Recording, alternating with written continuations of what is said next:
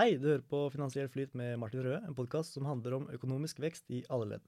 I denne podkasten vil vi invitere gjester fra ulike deler av finans- og forretningsverden. Dagens gjest er Kristoffer Liland. Kristoffer har mange års erfaringer med å hjelpe andre, men har også erfaringer med egne startups. Den største av de er Ripple Aerospace, som utviklet oppskytingssystem som skjøt fra vann til verdensrommet. I denne episoden kommer vi til å snakke om hans personlige erfaringer, men også generelt om det å starte noe eget. Jeg er så heldig å ha fått med meg en gjest her, Kristoffer Liland, som er gründer. Hei, Kristoffer. Hvordan har du det? Eh, tidligere gründer. Eh, jeg jobber jo i dag eh, på UiA Nyskaping. Ja, sorry, nå ble det rota. Jeg har det veldig bra. Jeg har en veldig spennende jobb på UiA, hvor jeg jobber med gründere hver eneste dag. og, ja. Mm. Hvordan kom du inn i gründermiljøet, Kristoffer? Det Det handla veldig mye om en, en, lidenskap jeg hadde eh, når jeg begynte som gründer første gang. Det er jo eh, 13 år siden nå, eh, når jeg prøvde første gang å starte selskap. Eh, det var noe coaching-greier sammen med to venner, men det gikk jo litt sånn eh, ad undas, for han ene ble jo deportert til Syria midt i den arabiske våren. Eh, men, eh, men, målet var jo hele veien da å på en måte starte et eller annet innenfor romfart. Uh, og romfartsteknologi og det miljøet der var kanskje det som jeg syntes var mest spennende. Uh, og på en måte hadde brent for da, i ganske mange år.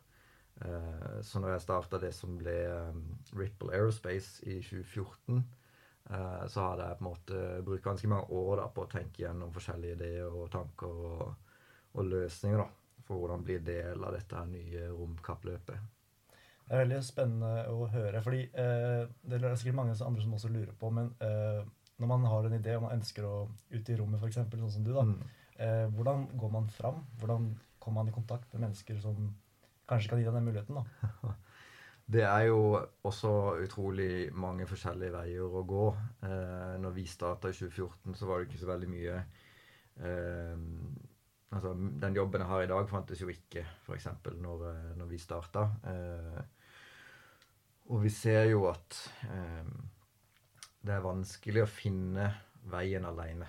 Eh, og det er ikke veldig mange eh, Altså Hvis man skal på en måte klare å klatre seg fram uten å på en måte søke hjelp og, og, og sånne ting, så, så, er det ganske utfordrende. Så det er veldig mange gründerideer som på en måte mislykkes fordi man er redd for å dele ideen. Eh, og eh, når man skal starte og på en måte begynne å finne de man kan jobbe sammen med å starte noe, spesielt hvis det er veldig ambisiøst, så må man snakke med folk. Det er kanskje egentlig det aller viktigste. Eh, og så oppsøke den hjelpa som fins i økosystemet og virkemiddelapparatet. Sånn som eh, snakke med Innovasjon Norge og snakke med UiA Nyskaping hvis du er student. Eh, og andre da, som på en måte kan hjelpe og gi deg råd og hjelp. Så er det jo også eh, etablerersenter i Agder da, som på en måte hjelper alle forskjellige typer eh, som ønsker å starte noe. Ja, og det er jo her lokalt i Kristiansand, og det finnes jo da antageligvis eh, rundt om hele Norge og hele verden også eh, andre muligheter for å komme fram. Så mm. å bruke sånne organisasjoner kan jo da være hjelpsomt for å ja. komme seg fram og ut. Eh, men tror du det er utfordringer med folk som eh, Du snakka om å holde ideen sin tilbake. Mm. Eh, for veldig mange som starter, så er det jo mangel på kapital. Vi skal snakke litt senere om finansiering og investeringer. Men um, tror du det er et problem at veldig mange holder tilbake ideene sine fordi at større selskaper som har mer penger, um, kan da stjele de ideene og måtte få gjort det før, før de? måtte? Ja, altså Personlig så tror jeg jo at de fleste som begynner med det, har en viss sånn irrasjonell frykt for at noen skal ta ideen fra dem. Eh, det, det viktigste en ofte må tenke på, at Store selskaper er ikke spesielt agile. De har ikke mulighet til å mobilisere eh, i den grad som, som en startup har. Og, eh, og samtidig så eh, eh, er det veldig få som er like gal som du er, eh, når man på en måte er i ferd med å starte noe eget. Så da Du er nok ganske trygg i, i sånn de aller, aller fleste tilfellene på at du kan dele ideen din med andre.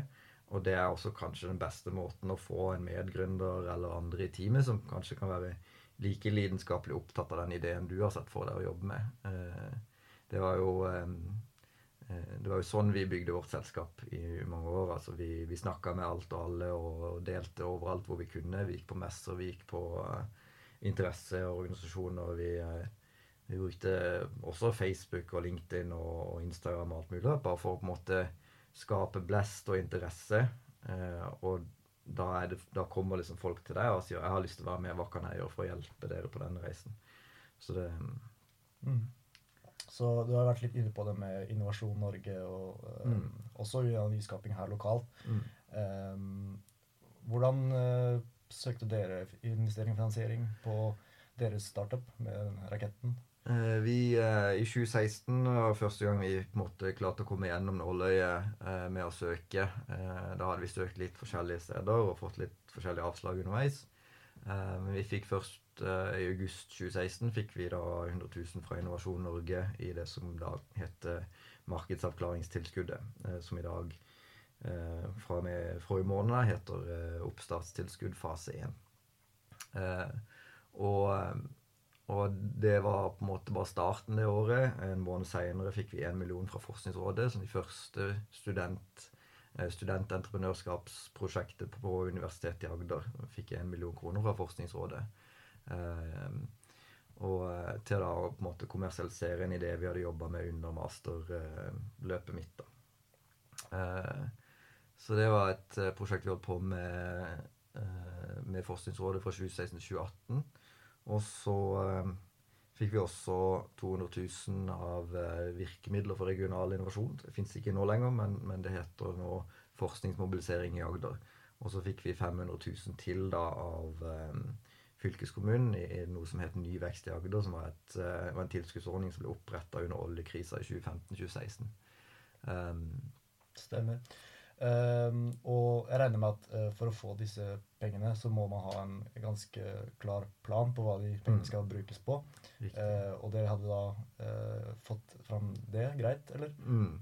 Vi, vi jobba veldig mye med søknadsarbeid og søknadsskriving i den perioden, og det handler veldig mye om når du skal søke mye forskjellig statlig, så må du være veldig forsiktig på at ikke du krysser og matcher eh, på liksom de samme delene av det, det, det større eh, prosjektet dere skal ha.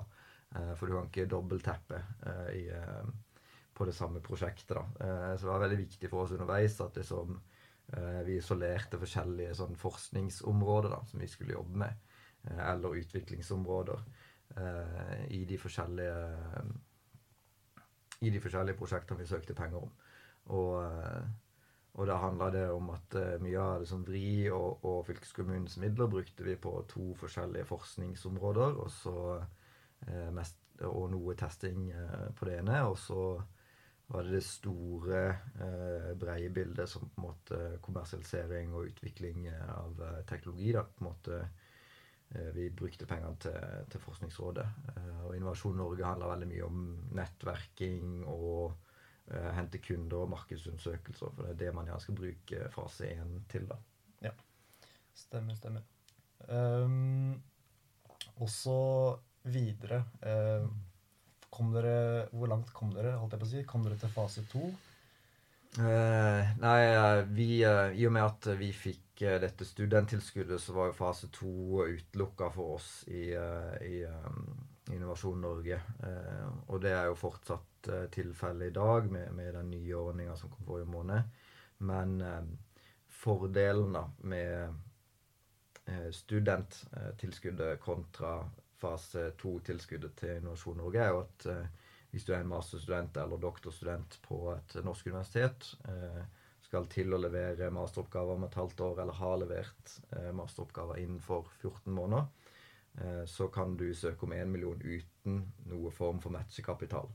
Eh, som er et kjempe, kjempebra tilskudd, og vi håper jo også at flere studenter på masternivå ønsker å komme til oss og få hjelp til å skrive disse søknadene. Mm. Eh, og den, eh, eh, så jeg har hatt syv sånne tildelinger siden 2016. Så det er jo et veldig godt tips eh, det kommer med der, eh, til de som, der ute som har lyst til å også starte å utvikle noe. Men har du noen flere tips, du som er så tett på det hver dag? Mm. Uh, ja, det, en er jo masse forskjellig. Det spørs jo litt hvor i løpet man er. men så lenge man bare har en idé, eh, så er det liksom sånn Det beste man kan gjøre, er å begynne å snakke med noen om den. Og det er jo den eh, Det er jo det som er på en måte vår jobb, da. Eh, å bistå alle alle studenter som ønsker å starte en bedrift i alle forskjellige faser av modenhet og alle eh, og alle, altså, alle former for innovasjonshøyde. Det trenger ikke være uh, romfartøy som vi jobber med. Det kan også like gjerne være en frisør eller, eller uh, falske negler. Uh, vi har jobba med mye forskjellig. Mm. Så rett og slett at hvis man skal, um, hvis man skal starte og søke investering og sånn, at man rett og slett får hjelp. Søk, ja. søk hjelp med noen som kan det her, fordi at det er som du sier, da slipper man å tråkke feil, og man, mm.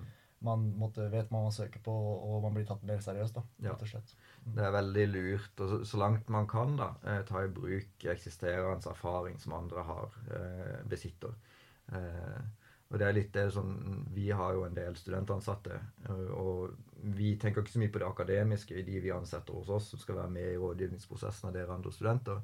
Eh, det viktigste for oss er å se at de har reell erfaring, enten med søknader eller produktutvikling eller entreprenørskap på, på egen hånd.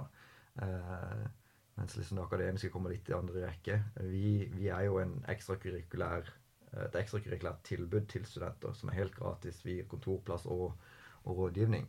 Eh, og, den, eh, og, det er liksom synd, da, for det er, så, det er så få som på en måte Eh, får egentlig vite om oss i løpet av sitt utdanningsløp. Og det er ofte for seint når, eh, når, de får vite at vi eksisterer. Og det, det er et institusjonelt problem for oss på, på UiA. da. Mm. Men, um, jeg tror mange entreprenører um, kan kjenne seg igjen i det. At eh, man starter med en idé, og så endrer ting seg underveis. Mm. så uh, opplevde dere det når dere hadde en startup, at, at, ting ble ikke helt som dere hadde som planlagt, og så måtte dere endre ting og underveis og så tilpasse seg? Ja, eh, altså sånn det, det Hovedideen eh, som, altså det å på en måte Som kanskje ikke har nevnt ennå, som på en måte var å utvikle romfartøy i skipsverft eh, som kan flyte på sjøen og ved hjelp av et ballastsystem, da, eh, kunne da eh, fylles med sjøvann og da stabilisere seg vertikalt for oppskyting. Den på en måte beholdt vi eh, gjennom hele løpet der fra 2014 til 2019 når vi la den på hylla. Men det var mange små justeringer i, i, og teknologiske valg vi måtte ta underveis. da. Eh, liksom Hva slags type hydraulikksystemer skal vi bruke? Hva slags type klamper? Skal vi bruke klamper? Fins det andre systemer? Og det er en, eh, en, en må hele tida finne da, eh, og teste de forskjellige mulighetene. I software er det jo mye enklere å gjøre sånne typer justeringer hele veien, for du, du er ikke like avhengig av å måtte, måtte forske og utvikle fysiske produkter. Eh, vi kaller det gjerne eh, lean startup, eh, den formen for strategi, hvor man på en måte da kan lage minimum viable products, eller MVP-er, hele veien. Minimumsløsning, kaller vi det på norsk. Ja, Når du først nevner det, du har lyst til å ta de ulike Du har lean startup, i hvert fall. Mm. at du tar de ulike startupsa. Ja, det er jo utrolig mange forskjellige metoder. Eh, eh, og, og, og, mange forskjellige verktøy og diverse man kan bruke når man driver med og skal starte en startup. En av de vanligste verktøyene man møter, er jo gjerne Business Model Canvas. Eh, og det er vel et verktøy de fleste møter i løpet av fall økonomiutdanning og markedsføring og, og, og innovasjonsfag. Eh, selv om det er, nå, nå er det jo over nå er det over ti år siden Business Model Canvas først kom ut. Eh, og det er jo en sånn måte å utvikle forretningsmodeller eh, og forskjellige liksom, innfallsvinkler på det å eh, Hvordan er det man skal tjene penger og levere verdi til kundene sine.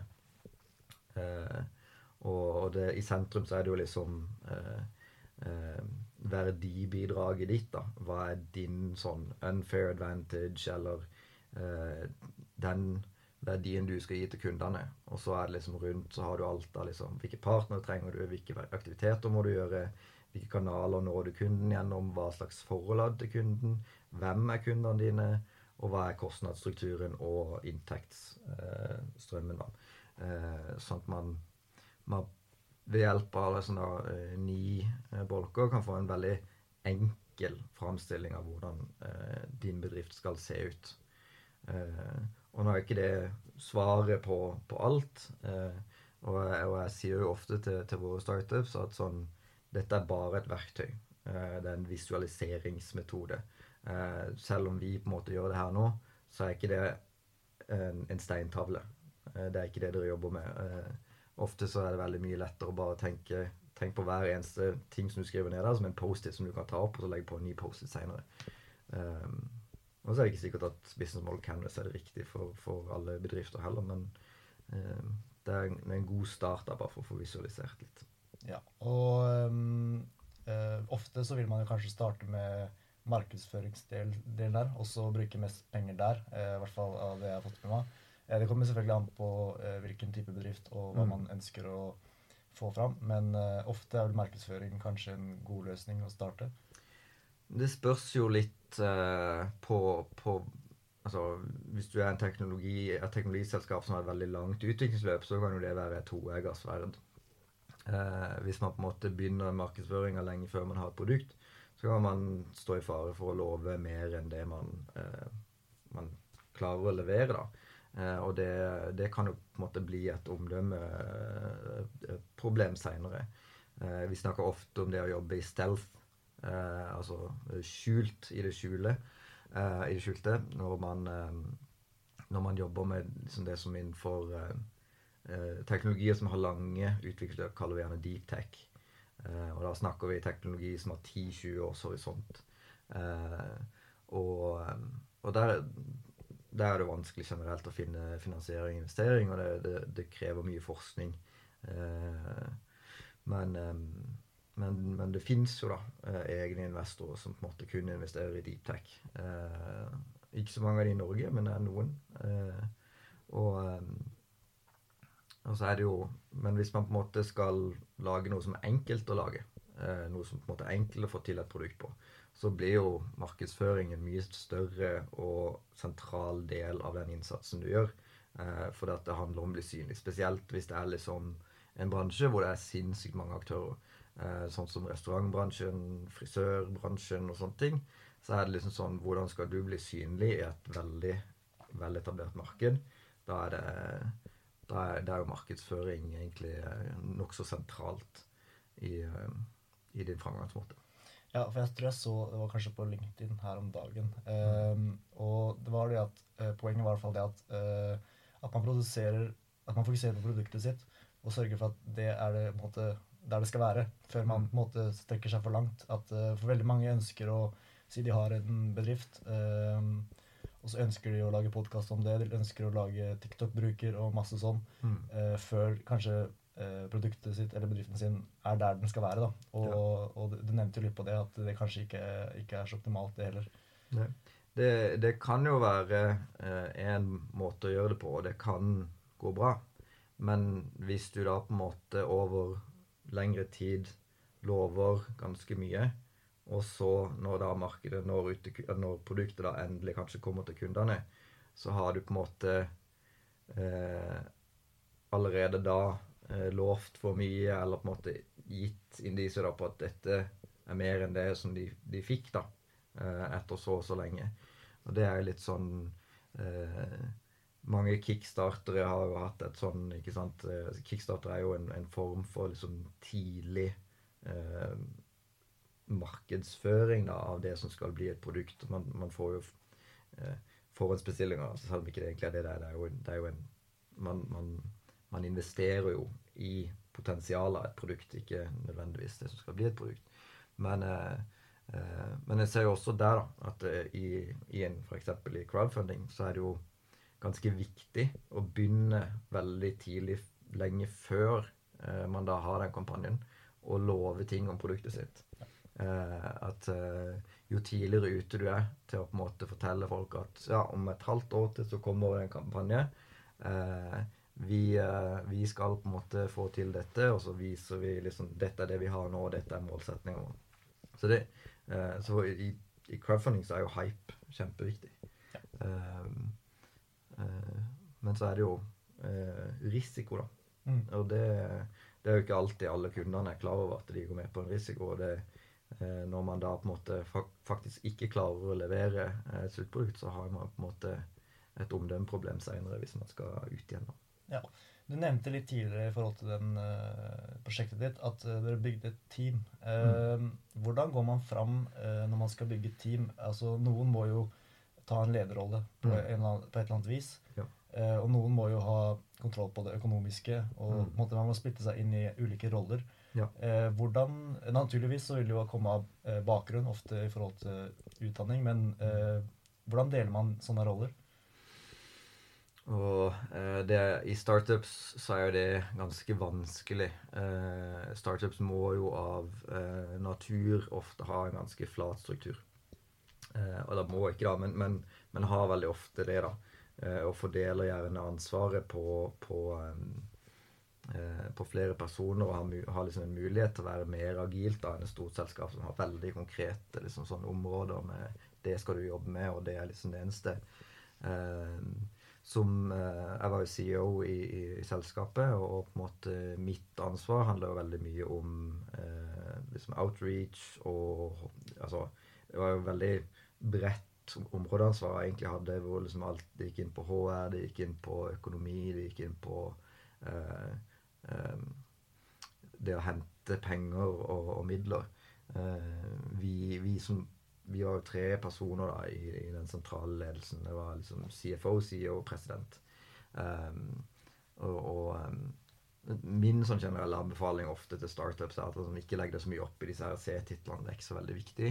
Um, men uh, vi da i ledergruppa vi så på en måte vår, vårt, vårt ansvar var på en måte sikre ressurstilgang for resten av teamet. Eh, så når ingeniørene våre og, og, designere og alle andre på en måte skulle på en måte gjøre sine sentrale ting, så var vår jobb å sørge for at vi kan skaffe de de ressursene de trenger, og de kontaktene de trenger til å kunne gjøre den jobben. Eh, og så hadde vi da det som vi kalte eh, internt eh, et stewardship-system. Som gikk ut på at vi satte ned autonome grupper som skulle jobbe med liksom, områder. Sånn som ballast og, og rakett og litt sånn forskjellig. Eller spesifikke forskningsprosjekter som vi hadde f.eks. sammen med, med Norse, som het Teknova. da. Eh, og da er det viktig for oss at liksom sånn, de har full autonomitet i det de gjør, og vi stoler på at liksom sånn, de får det til, og liksom vår jobb er å sørge for at de har ressursene til å gjøre jobben sin. Eh, og og det krasja jo litt sånn av og til da, og med at vi hadde amerikanere og vi hadde europeere i, i teamet. Og liksom, det er jo en helt forskjellig holdning til autoritet, f.eks. blant uh, amerikanere. Um, men, um, men som i det store bildet, da, så, så, så, var det liksom mye av sånn vi forholdt oss til, da. At uh, vi hadde en veldig mobil struktur da, i hvordan man satte ned grupper som skulle jobbe med forskjellige ting. Eh, og så hadde vi en liten ledelsesgruppe som på en måte bare sørga for at vi er de som på en måte representerer bedriften i møter med, med andre bedrifter og, og, og, store organisasjoner og sånne ting. Eh, og så er liksom vår viktigste jobb er å på en måte sikre ressurstilgang. Mm. Um, for uh, nyoppstarter Du jobber jo med nyoppstarter. Um, så må man jo kanskje ta en rolle. Og jeg kan se for meg at man, uh, hvis man ønsker å starte noe mm. Noen ønsker å starte noe for å starte noe, ja. mens noen har gjerne noe spesifikt som de holder på med. En mm. hobby eller et, et, eller annet som de har lyst til å starte med. Mm. Så jeg ser ofte, ofte, for meg at man kan dele inn i to. At uh, man har en person som er interessert i rundt det å akkurat starte opp, og så har du gjerne en um, som er interessert i selve tingen. Så hvis man kunne vært greit å f.eks. vært eh, en som eh, sto liksom litt i bakgrunnen med det administrasjonelle og sånne ting. Og så ha en som eh, går spesifikt, la oss si med videoproduksjon, at en som mm. er god til å produsere videoer, eh, produserer de videoene, og så står det en i bakgrunnen og ordner med alt av avtaler og det eh, juridiske og alt eh, sånne ting, da, eksempel. Mm. Jeg vet ikke om det har vært noe borti noe sånne forhold. Eh, ja da. Eh, vi eh, viser jo ofte eh, at eh, de studentene som, som, starter eh, sammen hos oss, kommer gjerne fra samme studieretning. og det skaper jo ofte et sånn kompetansegap i at man, man, man besitter én kjernekompetanse, men mangler én. og vi prøver jo ofte å liksom sånn legge opp til arenaer hvor det kan hvor de da kan finne den, den kompetansen som, som mangler. Eh, og det, du har nok rett i, i, til en viss grad at eh, man, man, trenger eh, administrativ og teknisk eh, kompetanse. Eh, jeg liker gjerne å dele det opp i, i tre eh, kategorier. Liksom en kreativ kategori, en, en administrativ økonomisk kategori og en teknisk kategori. hvor du trenger gjerne alle tre da, for å liksom ha et sånn mangfold i hvordan man ser på en idé. for fordi at eh, et problem man gjerne får når man kun har teknikere, er at man på en måte bare fokuserer på produkt. Eh, og, og, da får man gjerne også et produkt som ikke eh, har en, en designdimensjon. Eh, sånn at man, man, tenker kun på, på funksjonen til produktet. Eh, og så og så glemmer man kanskje også å tenke på liksom det økonomiske aspektet. Er det liksom uh, noen som har tenkt på å spørre kunden om dette er noe de faktisk vil ha? Uh, det er jo veldig en, en, sånn ting som er veldig fort gjort, da, er å bruke mye tid og penger på å utvikle et produkt som ingen vil ha, for man spurte aldri kunden. Uh, og, og, og, det er nokså sentralt at man må ha noen som tør å stå til, til de spørsmålene. Og så er det ofte litt sånn F.eks. Apple da, har jo den herre de går fra designet først innover mot det som skal bli produktet, mens, mens man gjerne da Det er liksom to forskjellige måter å tenke på produkter. En er fra liksom funksjon først, design til slutt. Og en er liksom design først, så funksjon. Eh, og man ser jo at eh, man kan få til et veldig velfungerende produkt med å tenke eh, funksjon først. Men det kan godt være at det ikke selger så bra, fordi at man har ikke tenkt på designet før til slutt. Og da må man på en måte da har man tatt en del veivalg som gjør at det er vanskelig å måtte gå tilbake og endre designet. Eh, til å, ja. Eh, også, ja, og Derfor er det også lurt å ha liksom mer kreative hoder, eller folk som på en måte har samfunnsfaglige bakgrunner eller andre ting, som på en måte kan komme inn med det der brytningsperspektivet. Eh, for det økonomiske og tekniske mennesker er gjerne veldig praktisk retta eh, inn mot liksom sine fag. altså Show me the money, eller liksom vis meg et produkt som funker. Eh, og, og, de to er, er viktige, men, men, men, du må ha noen som tør å spørre men ja, men hva, hva, er det egentlig kunden vil, da? Eh, hva, er det, hva, er det, på en måte egentlig som på en måte er bra for kunden? Eh, og hvordan kan vi få kunden til å like dette produktet mer? Selv om ja, ja, det, kunden har kanskje et klart, tydelig behov for det, men hva gjør at kunden faktisk kjøper det? Det er ja, masse spørsmål å stille. Eh, for jeg tror eh, av mange jeg har prata med som er interessert i ulike ting, eh, så tror jeg det stopper for veldig mange på det med lover og regler og alt mulig som må fylles inn med Altinn og alt det der. Mm. Hvordan tror du Hvordan kan man forholde seg til det? Hva man kan gjøre? Mm. Ja, det, det, er ofte et litt sånn godt spørsmål. For det at det er jo Har du AS, så er det jo tre dager i året som alle med et AS må huske. Det ene er 31. januar, andre er 31. mai, og det tredje er 31. juli. 31. januar skal du lese, levere noe som heter aksjonærregistermeldinga. Eh, kjempeviktig at den blir levert eh, hvert eneste år. Eh, og det er egentlig bare oversikten over alle aksjonærer i ditt selskap. Den skal være fullstendig oppdatert og levert 31. januar. Eh, og så skal du levere skattemeldinga 31. mai. Og så skal du levere årsregnskapet 31. juli til staten. Eh, og det det er ikke så ille som det var før. Eh, og så er det noen nye regler i år i og med at du, du, du må ha et regnskapsprogram som ting skal bli gjort i. Eh, nå vet jeg ikke hvor strenge de reglene er ennå, men, men, fra og med i år skal, eh, skal alle på en måte AS, AS da, eh, registrere sine eh, økonomiske detaljer i et regnskapsprogram. Og det kan jo koste penger som mange kanskje ikke har. da. Eh, men problemet er at hvis ikke du leverer til disse datoene og ikke får en godkjent utsettelse, så får du det som kalles tvangsmult på 2000 kroner dagen opp til 50 000 kroner. Og det er himla dyrt. Eh, hvis, spesielt for et lite selskap som kanskje bare har aksjekapitalen sin. Eh, det, og, og vi, vi, hjelper jo veldig gjerne våre prosjekter med det. det gjør jo også etablerersenteret i Agder. Eh, og, har, eh, man har tilgang til hjelp der ute, eh, og man på en måte ikke helt vet hvor man skal begynne. Eh, Etablerersenteret i Agder har regnskapskurs og skattemeldingskurs og Altinn-kurs og alt mulig annet, som på en måte kommer med ganske jevne mellomrom. Eh, så hjelpa fins der ute, men det, men det, er ofte en liten sånn tåkete jungel, for man vet ikke hvor man skal begynne, og vet ikke hvor man skal søke. Yes. Og uh, i forhold til den, uh, det prosjektet dere hadde i USA og sånn, uh, mm. hvilken juridiske utfordringer dukka opp med tanke på at det var liksom du hadde Norge på ene sida, mm. så hadde du USA på andre sida. Det må jo ha vært litt konflikt og litt, litt å holde styr på der, tenker jeg. Ja, og i romfartsbransjen så er det jo enda mer eh, utfordrende enn det ofte er i en del andre bransjer. Eh, for romfartøy reguleres under noe som heter eksportkontroll.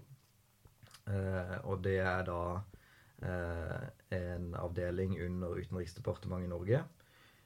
de opererer med det som kalles altså to lister. Den ene heter våpenlista, og den andre heter flerbrukslista. Eh, og flerbrukslister er egentlig alle typer teknologier som eh, ved nok ombygging kan bli til våpen. Eh, romfartøy, eller bæreraketter som det kalles, eh, er på den lista. Eh, og når vi skulle begynne å operere i USA, eh, da utvikla vi raketten. Da på en måte hyrte vi et selskap i USA til å på en måte jobbe med den delen.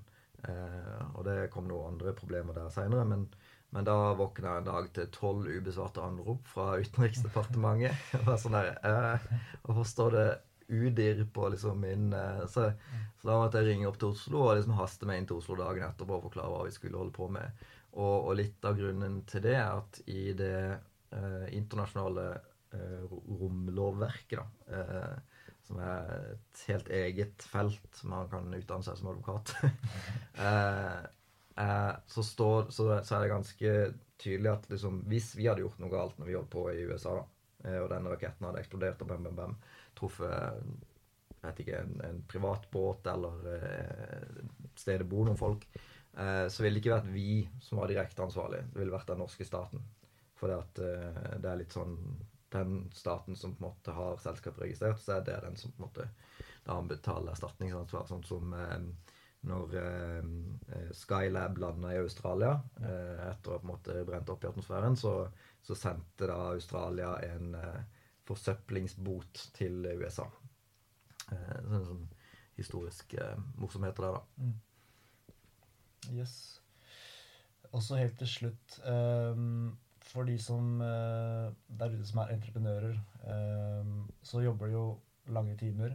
De jobber hardt. Mm. Og noe som dessverre er veldig uvanlig, eller veldig vanlig dessverre, hos mange entreprenører, er jo det med utbrenthet. Mm. Fordi man jobber såpass lenge, og fordi man har så lyst, ja. og fordi det er så krevende uh, hele tida. Mm.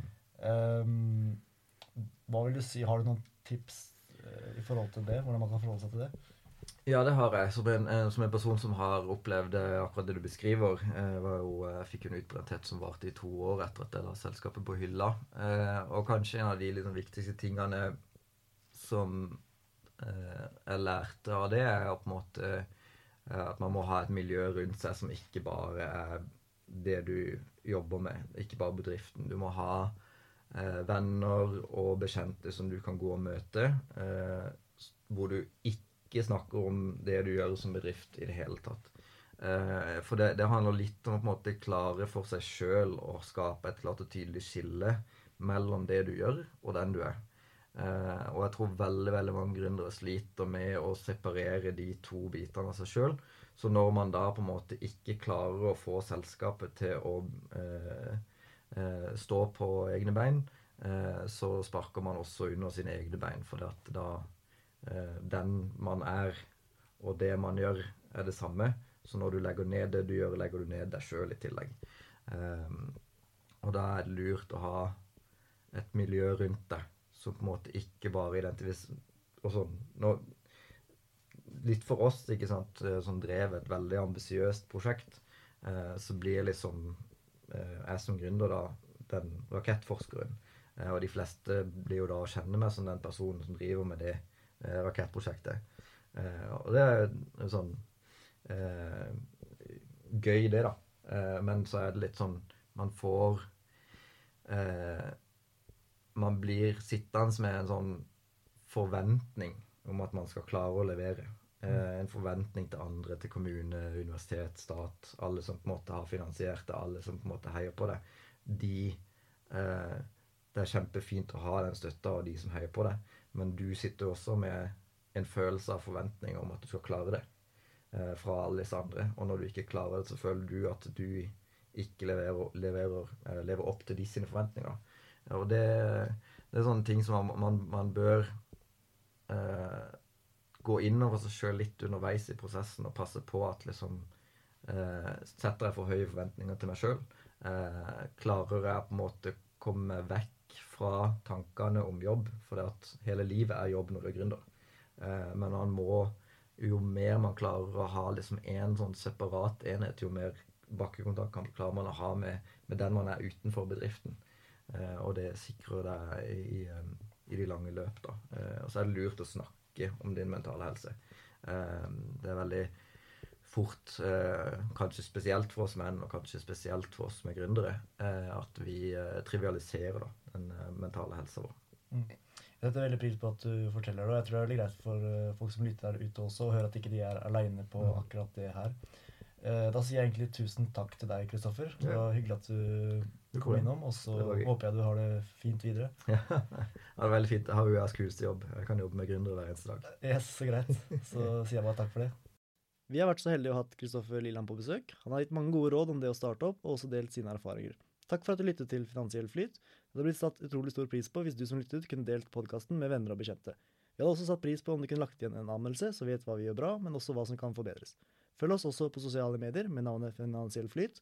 Det blir lagt ut en ny episode hver uke framover.